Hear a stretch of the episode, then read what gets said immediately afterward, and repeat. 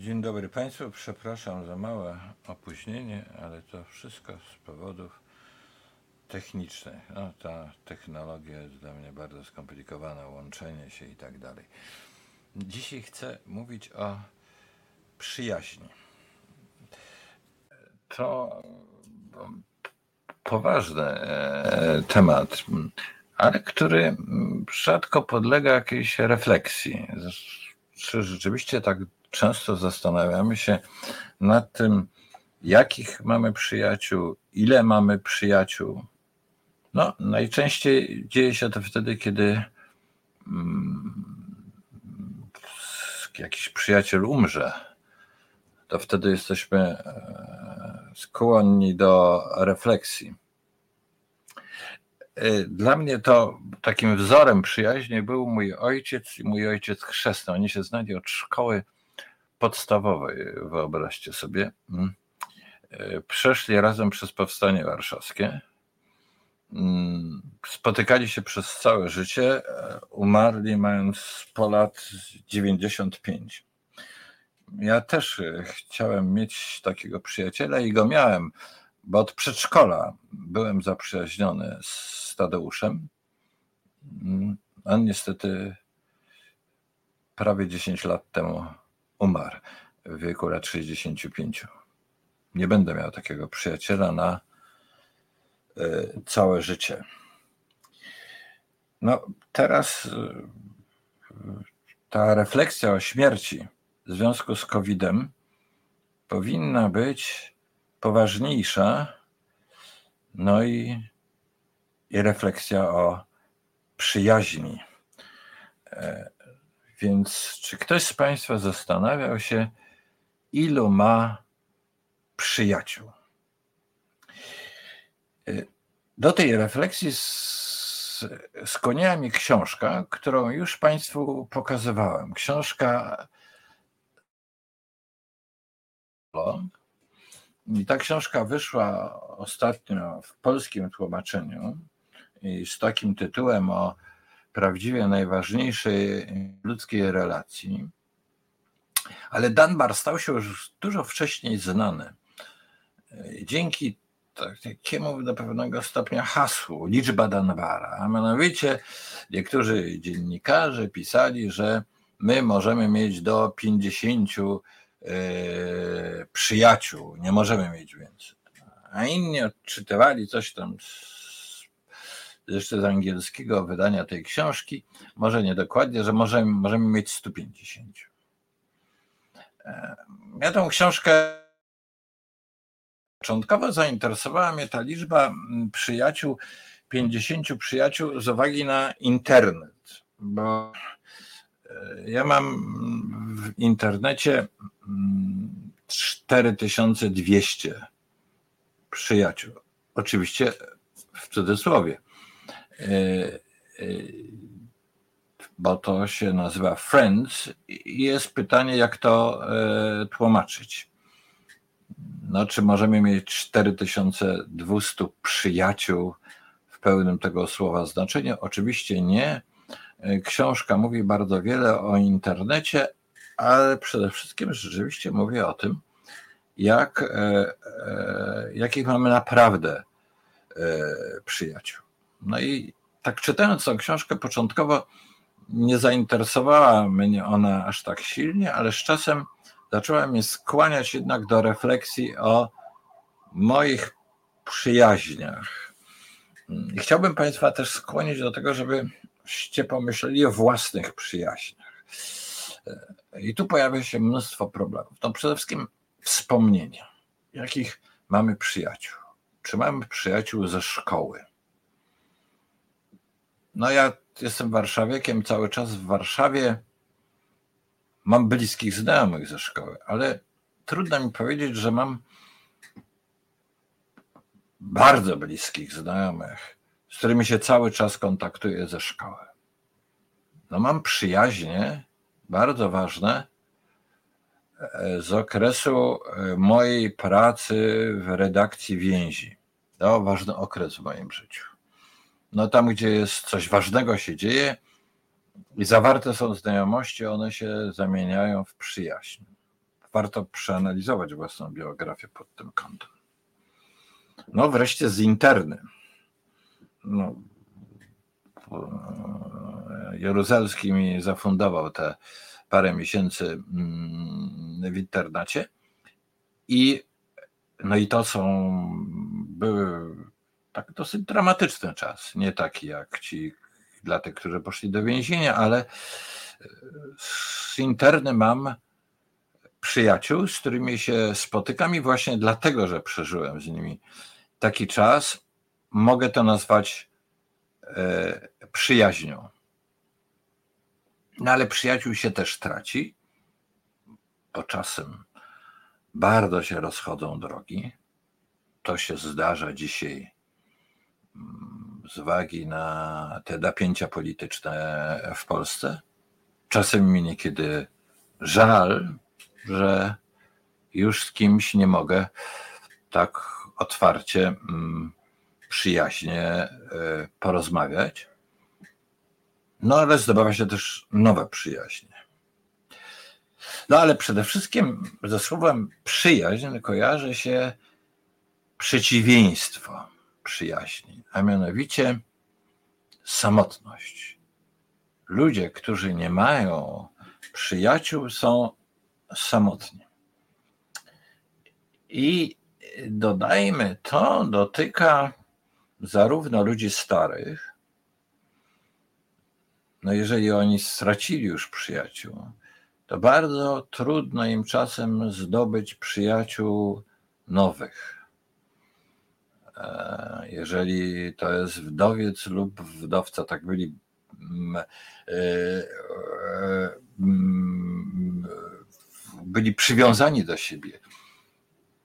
I nagle, e, nagle nie ma tej najbliższej osoby, ale nie ma też kręgu tych ludzi, mm, z którymi się cały czas spotykali. No to jest samotność, ale ta samotność spotyka też ludzi młodszych.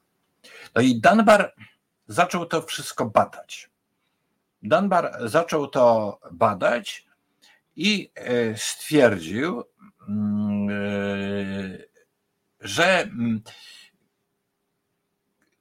to te nasze przyjaźnie i znajomi, przyjaciele ułożeni są w takie kręgi.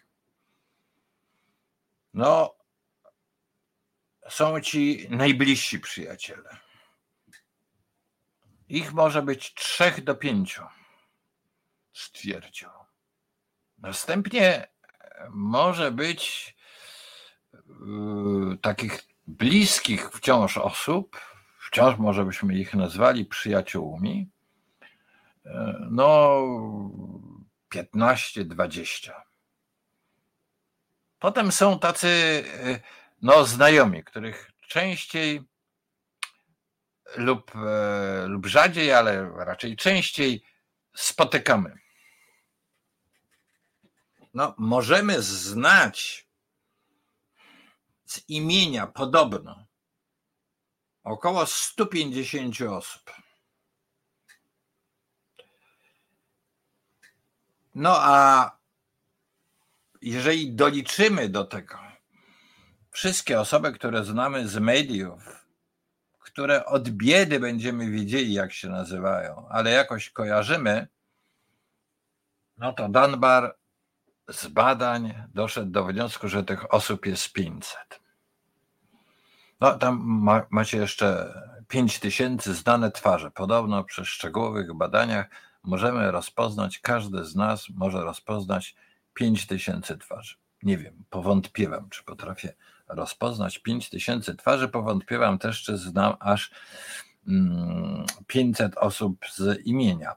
No ale mm, te badania Danbara oparte są o poważne badania.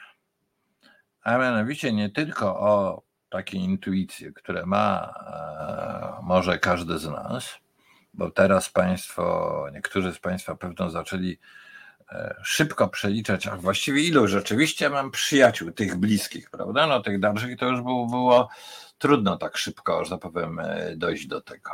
Trzeba by zajrzeć do notatek, no można by wziąć telefon, prawda? Na przykład w telefonie mam prawie 2000 telefonów, no ale to nie są bliżsi znajomi. Może to są właśnie ten trzeci czy, czy czwarty krąg tutaj e, w, w tym, e, na tym schemacie e, Danbara. On to badał najpierw jako antropolog i psycholog, ale też posłużył się big data, internetem. No bo to pytanie dzisiaj nas dręczy. Jak to jest, kiedy właśnie ktoś taki osobnik jak ja ma 4000 znajomych?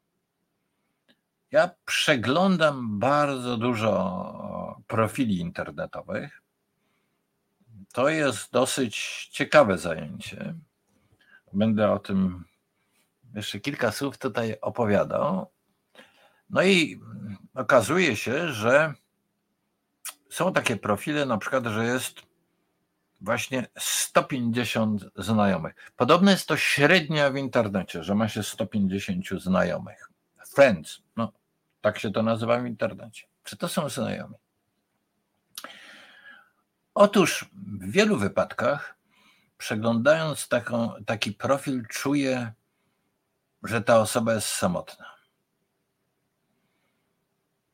Ponieważ robi wrażenie, że ci znajomi są całkowicie przypadkowi.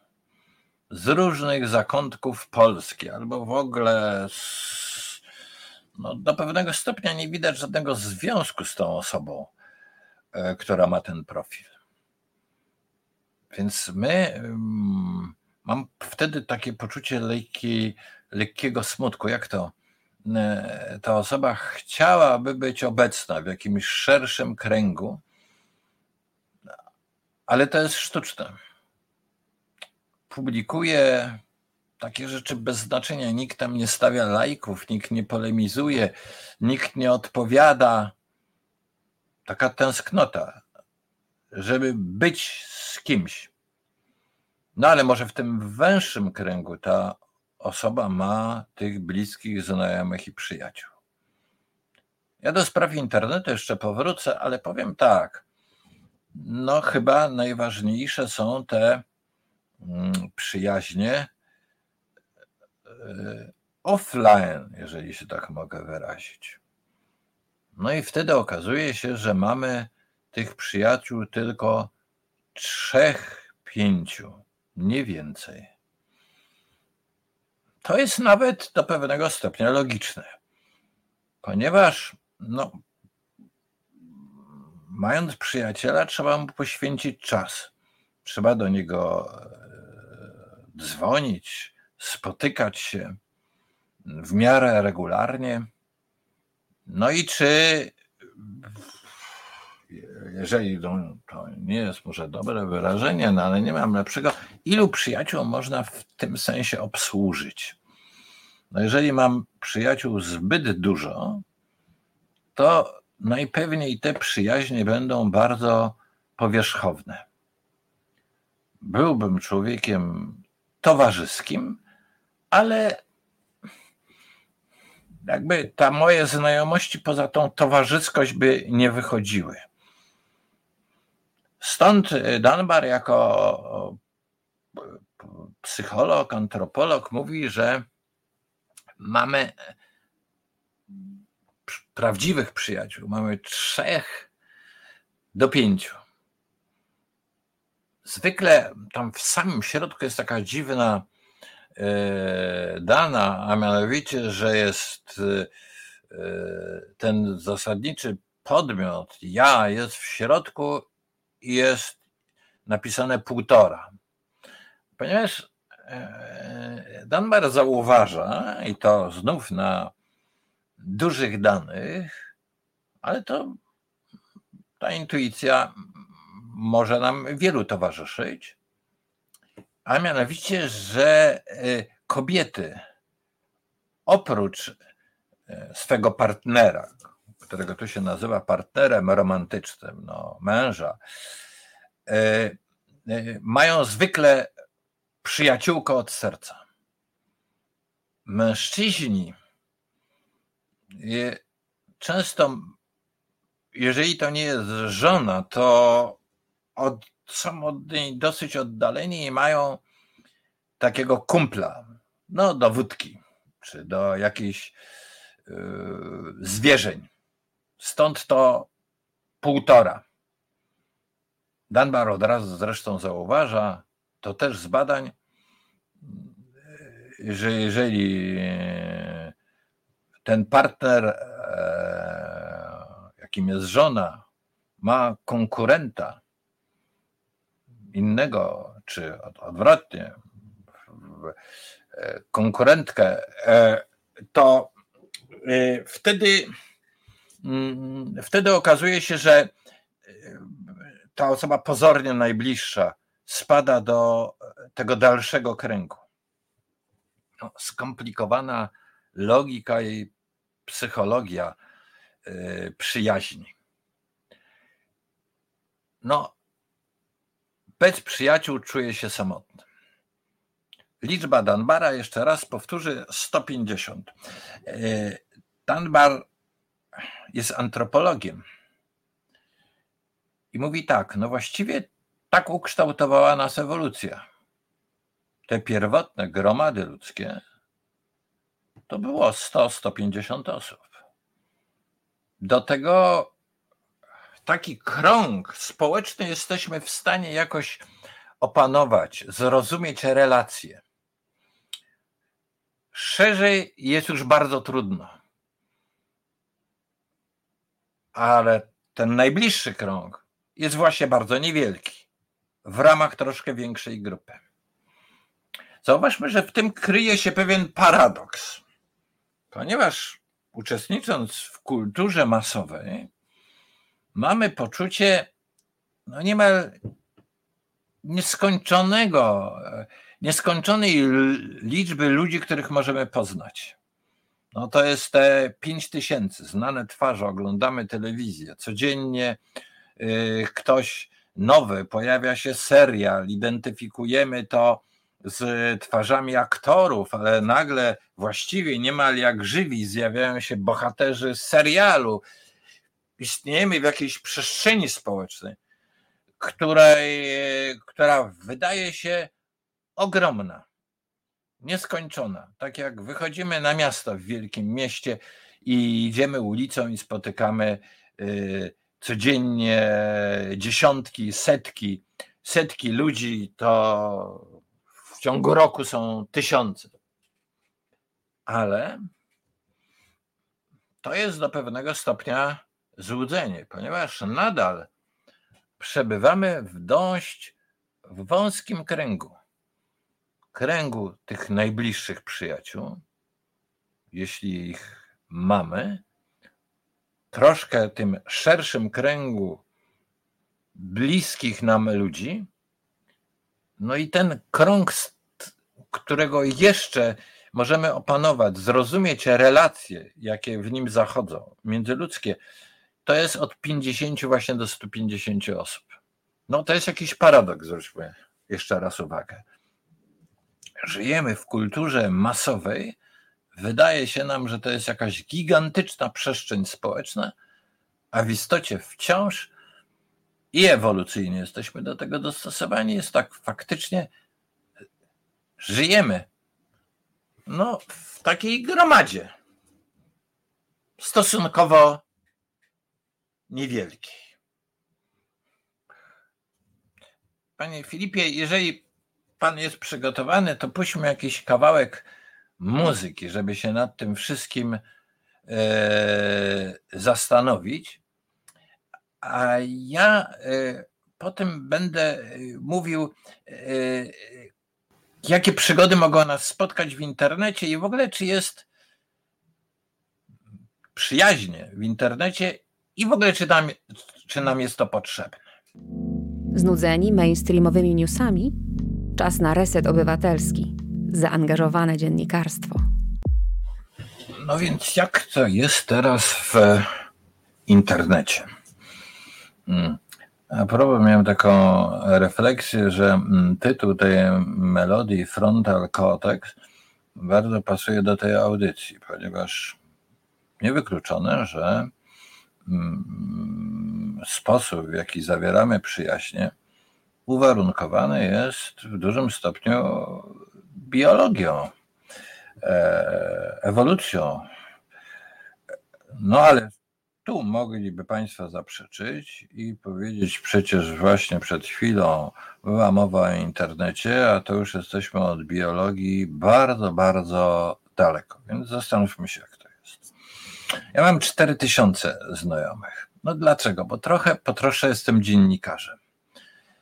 Więc y, po pierwsze, sam profil Facebooka to jest taka mała gazeta, bo się wybiera różne e, artykuły z całego internetu do edycji. No a po drugie, sam coś pisuję, no i jak każdy dziennikarz, egoman chce, żeby mnie możliwie dużo osób e, czytało. No i wtedy publikuję to w internecie i bardzo się cieszę, jak mam e, ileś tam lajków. Czym więcej, tym większa moja radość, oczywiście. No, e, to jest niejako internet dla zawodowców od, od mediów. Są też tacy, którzy bardzo się pilnują, żeby mieć tylu tylko znajomych, ile naprawdę znają. Wtedy to jest y, przybliżone do tego, co się dzieje offline, na żywo, naprawdę. No i wtedy się okazuje, i to są bardzo właśnie też szerokie badania, które prowadził y, Dunbar, to jest mniej więcej 150 osób tylu, tylu mają ci, którzy nie usiłują być poprzez e, internet, poprzez social media, poprzez w naszym wypadku w Polsce bardzo popularny Facebook, e, obecni w jak najszerszej sferze, e, sferze społecznej. 150, 150 osób. No i wreszcie są tacy, którzy mają 200, 300, 400, czasem 500, ale widać, że ci y, znajomych, tych friends, ale widać, że to są znajomości absolutnie przypadkowe. Przez pewien czas opowiadałem studentom o tym, co się dzieje w internecie i przeglądałem bardzo, bardzo dużo profili. I to się czuje, że ten profil jest taki nostalgiczny. Widać, że ta osoba chciałaby mieć więcej znajomych trochę zdobywa z tych znajomych, ale tutaj nie ma żadnej naprawdę interakcji między tymi osobami. No i wreszcie są tacy ludzie, którzy odmawiają bycia e, na Facebooku, w mediach społecznościowych, bo uważają, że jest to niepotrzebne.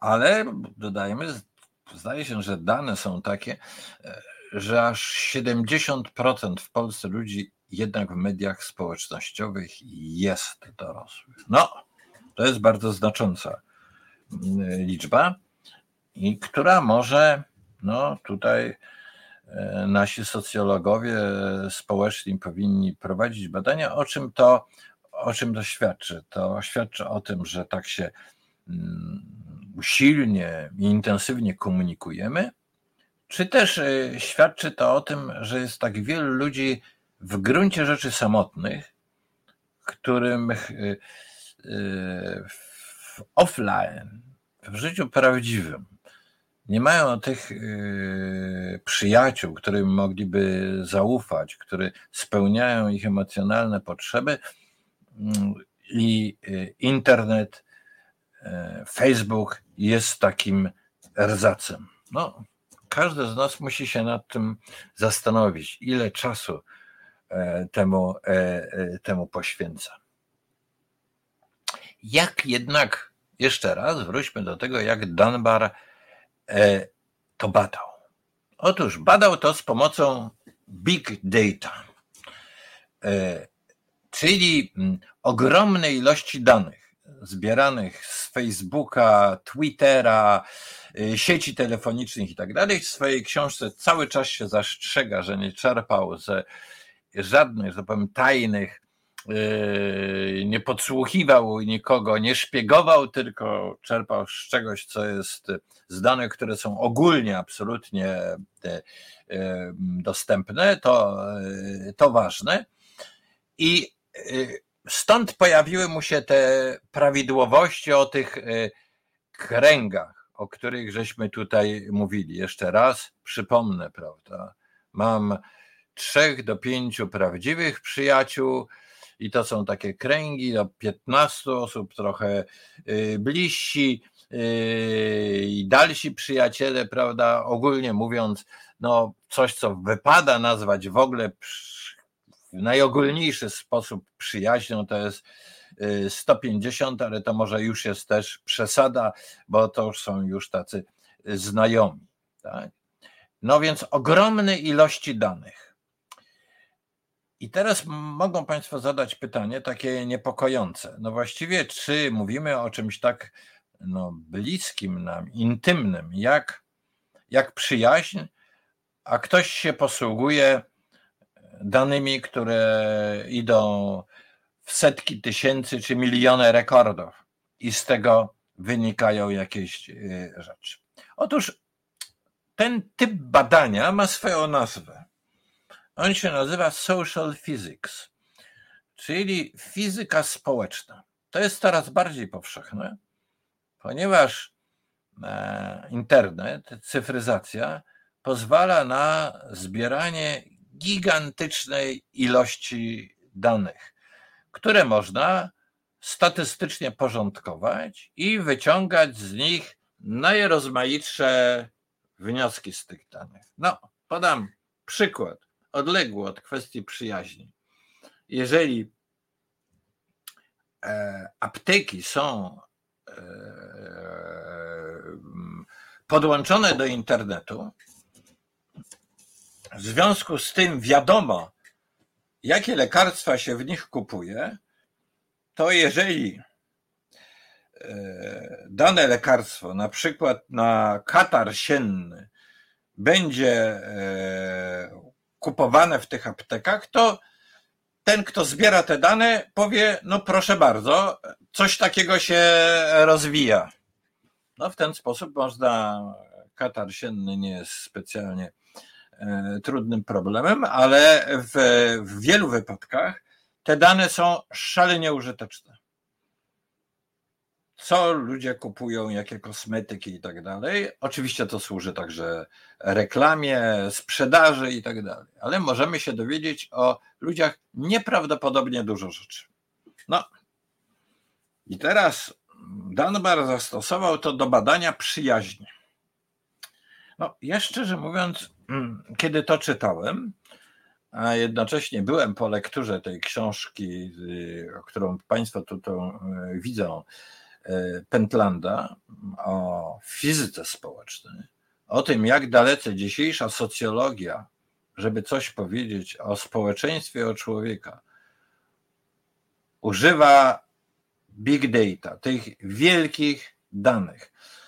Wielkich danych, które są jak gdyby wyprane w pewien sposób z psychologii, z Y, z takich intuicji, ten badacz, który y, zestawia te wszystkie y, statystyki, może go nie interesować człowiek, jednostka. Nie, nie musi być psychologiem w tym znaczeniu, w jakim dotychczas o tym żeśmy mówili. E, mm, może nie być syntoniczny, odczuwać pewnych rzeczy, tylko on obliczy. No i wtedy kim jestem ja? Ja jestem przypadkiem statystycznym. No ja sobie pomyślałem, oj, niedobrze. Ja tu czytam książkę o przyjaźni, chcę się coś o niej dowiedzieć, a ten pan wziął to wszystko z wielkich ogromnych statystycznych badań. No, a więc może lepiej powrócić całkowicie do takiej intuicyjnej psychologii i tym się mm, nie zajmować, dbać o mój wąski krąg e, przyjaciół, ludzi, których sobie ogromnie cenię, cieszyć się, że mimo moich prawie 75 lat nie czuję się samotnym. Jestem otoczony ludźmi, z którymi rozmawiam, wymieniam poglądy i to jest dla mnie bardzo ważne. No, ale jednak przecież żyję w społeczeństwie cyfrowym, w społeczeństwie internetu. No i teraz jest takie pytanie, no ale w takim razie, co znaczą moi przyjaciele, friends w internecie, w mediach społecznościowych? No, nad tym też się muszę zastanowić. Teraz, proszę Państwa, bardzo ciekawa konstatacja części teoretyków, którzy zastanawiają się nad tym, jak to społeczeństwo cyfrowe jest skonstruowane. No bo zdajemy sobie sprawę przecież, że internet, media społecznościowe rzeczywiście wkroczyły do naszego życia bardzo silnie. No nawet te nasze spotkanie w tej chwili no, odbywa się w taki sposób. Pewno słucha nas e, kilkadziesiąt czy kilkaset e, e, osób. Jesteśmy na chwilkę tutaj w tej rozmowie jakąś małą wspólnotą, co nie byłoby możliwe co tydzień z taką intensywnością. I otóż Mm, ta okładka to jest jedna z bardzo wielu, wielu, wielu prac mówiących o socjologii społeczeństwa cyfrowego. Właściwie to nie jest o internecie, tylko to jest o społeczeństwie, które jest przesiąknięte to tymi wszystkimi urządzeniami, jak media społecznościowe, internet i tak dalej.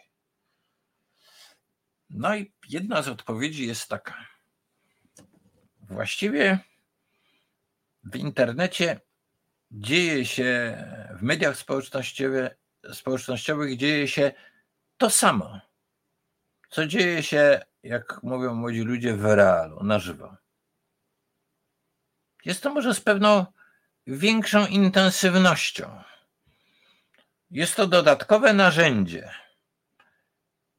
ale trudno odnaleźć e, takie mechanizmy, które by wykraczały poza to, co bada Dunbar nie z pomocą big data, ale co bada Dunbar jako antropolog. Antropolog Dunbar zaczął od badania społeczeństw e, no, pierwotnych w jakimś e, pojęciu tego słowa. Właśnie jak zachowują się gromady ludzi 100, 150 osób, jaka tam jest dynamika kontaktów między ludźmi. I, i okazuje się, jak wobec innych ludzi się zachowujemy. I okazuje się, że ta, mm, to społeczeństwo badane przez fizykę społeczną, przez big data, e, że ten człowiek w sieci tych wszystkich powiązań statystycznych w gruncie rzeczy zachowuje się bardzo podobnie, jakby tego wszystkiego nie było. Wciąż żyjemy w niewielkiej gromadzie. Wciąż żyjemy w niewielkiej gromadzie. Wśród 150 osób. Takie plemię. Może rozproszone w wielkim mieście. Wciąż siedzimy gdzieś na jakiejś ławeczce, paru przyjaciół i rozmawiamy ze sobą. A to wszystko, ta masa, która nas otacza, to anonimowe społeczeństwo, E, w którym przecież jesteśmy jakby zatopieni. To jest tło.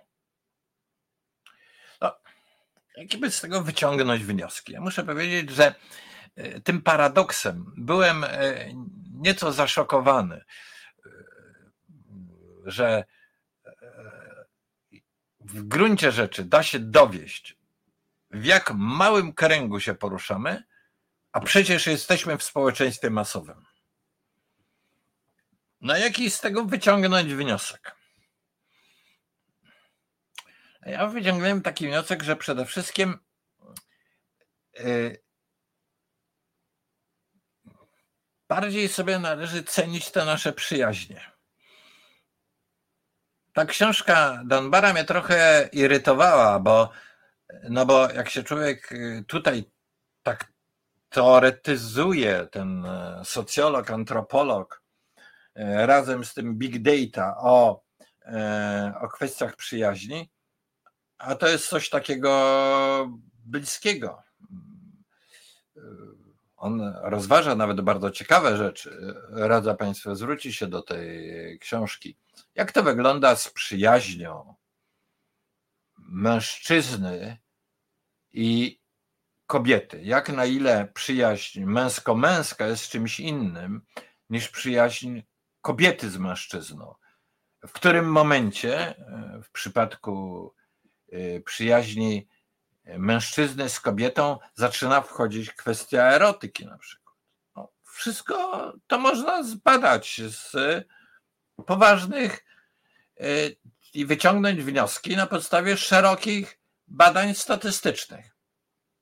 No więc to takie naruszenie wręcz, można powiedzieć, czytać o tym to naruszenie własnej intymności, w której, w której, w której tkwimy. Pytanie jest, czy chcemy aż tyle o sobie wiedzieć na podstawie ogólnych danych i, e, no, i takich chłodnych, beznamiętnych analiz. No ale jednak okazuje się, okazuje się, że w tym te społeczeństwo cyfrowe, masowe, że wciąż w tym społeczeństwie jesteśmy tymi, którzy żyją w jakiejś małej grupie. No i mój wniosek jeszcze raz. Zacząłem sobie e, nie tyle spisywać, ale przypominać moich przyjaciół i pomyślałem sobie, jak sobie ich niezwykle cenię. Jak to jest dla mnie wartościowe, że z nimi rozmawiam. Jak jakikolwiek kontakt, nawet bardzo ciekawy, poprzez e, internet, nie zastąpi mi czegoś, co można by nazwać biesiadą, wspólnymi żartami, no też dotykiem. No, poczułem się człowiekiem z takiej dawnej epoki, gdzie nie ma tej całej cywilizacji, a ja mam, je, mam przyjaciół i oni mnie bronią przed tym całym światem i w tym otoczeniu przyjaciół i bardzo bliskich znajomych czuję się dużo, dużo bezpieczniejszy. Czy z tego powodu doszedłem do wniosku, że należy wyłączyć internet? Nie. Nie ponieważ no, poprzez internet też można zdobyć przyjaciela. To jest też e, i niewykluczone. Poprzez e, moje wędrówki po profilach facebookowych zaobserwowałem wiele zachowań ludzkich. Też spostrzegłem wiele smutku wśród ludzi starszych, którzy się podłączają do internetu. Zastanawiam się, czy w ogóle mogą być takie usługi, mm, służby, psychologowie, którzy w internecie kontaktują się z ludźmi, którzy się czują samotni. Takie grupy też zresztą istnieją, ale myślę, że tego mogło być więcej. A więc internet jest bardzo użyteczny, ale to jest lustro tego, co zachodzi między ludźmi naprawdę. Taka amplifikacja, wzmocnienie najrozmaitszych rzeczy. Natomiast bezpośrednich przyjaźni nic absolutnie nie może zastąpić. I dlatego trzeba je sobie tak, tak cenić, a oczywiście internet, media społecznościowe mogą pomóc, by w czasach COVID-u podtrzymać kontakty wtedy, kiedy one są e, utrudnione. A więc zalecam Państwu gorąco e, tą książkę Danbara. Ona jest naprawdę, naprawdę ciekawa. Jeszcze zaraz znowuż pokażę Państwu jeszcze raz tą okładkę. O, o, o proszę bardzo nie muszą panie, Państwo tak wszystkiego dokładnie czytać, ale na tyle, żeby się, żeby to Państwa skłoniło do refleksji nad własnymi e, przyjaźniami i nad własnymi e, przyjaciółmi, kręgiem przyjaciół i też to, w jaki sposób zachowujecie się w internecie, w mediach społecznościowych, na Facebooku, jeżeli tam macie konto. To jest namysł, który może być bardzo ciekawy. Ja na koniec nie tyle wciągnąłem się w samą książkę, co w refleksję właśnie nad tym, co się ze mną dzisiaj dzieje w tym społeczeństwie cyfrowym i co, jak to wpływa na moje przyjaźnie.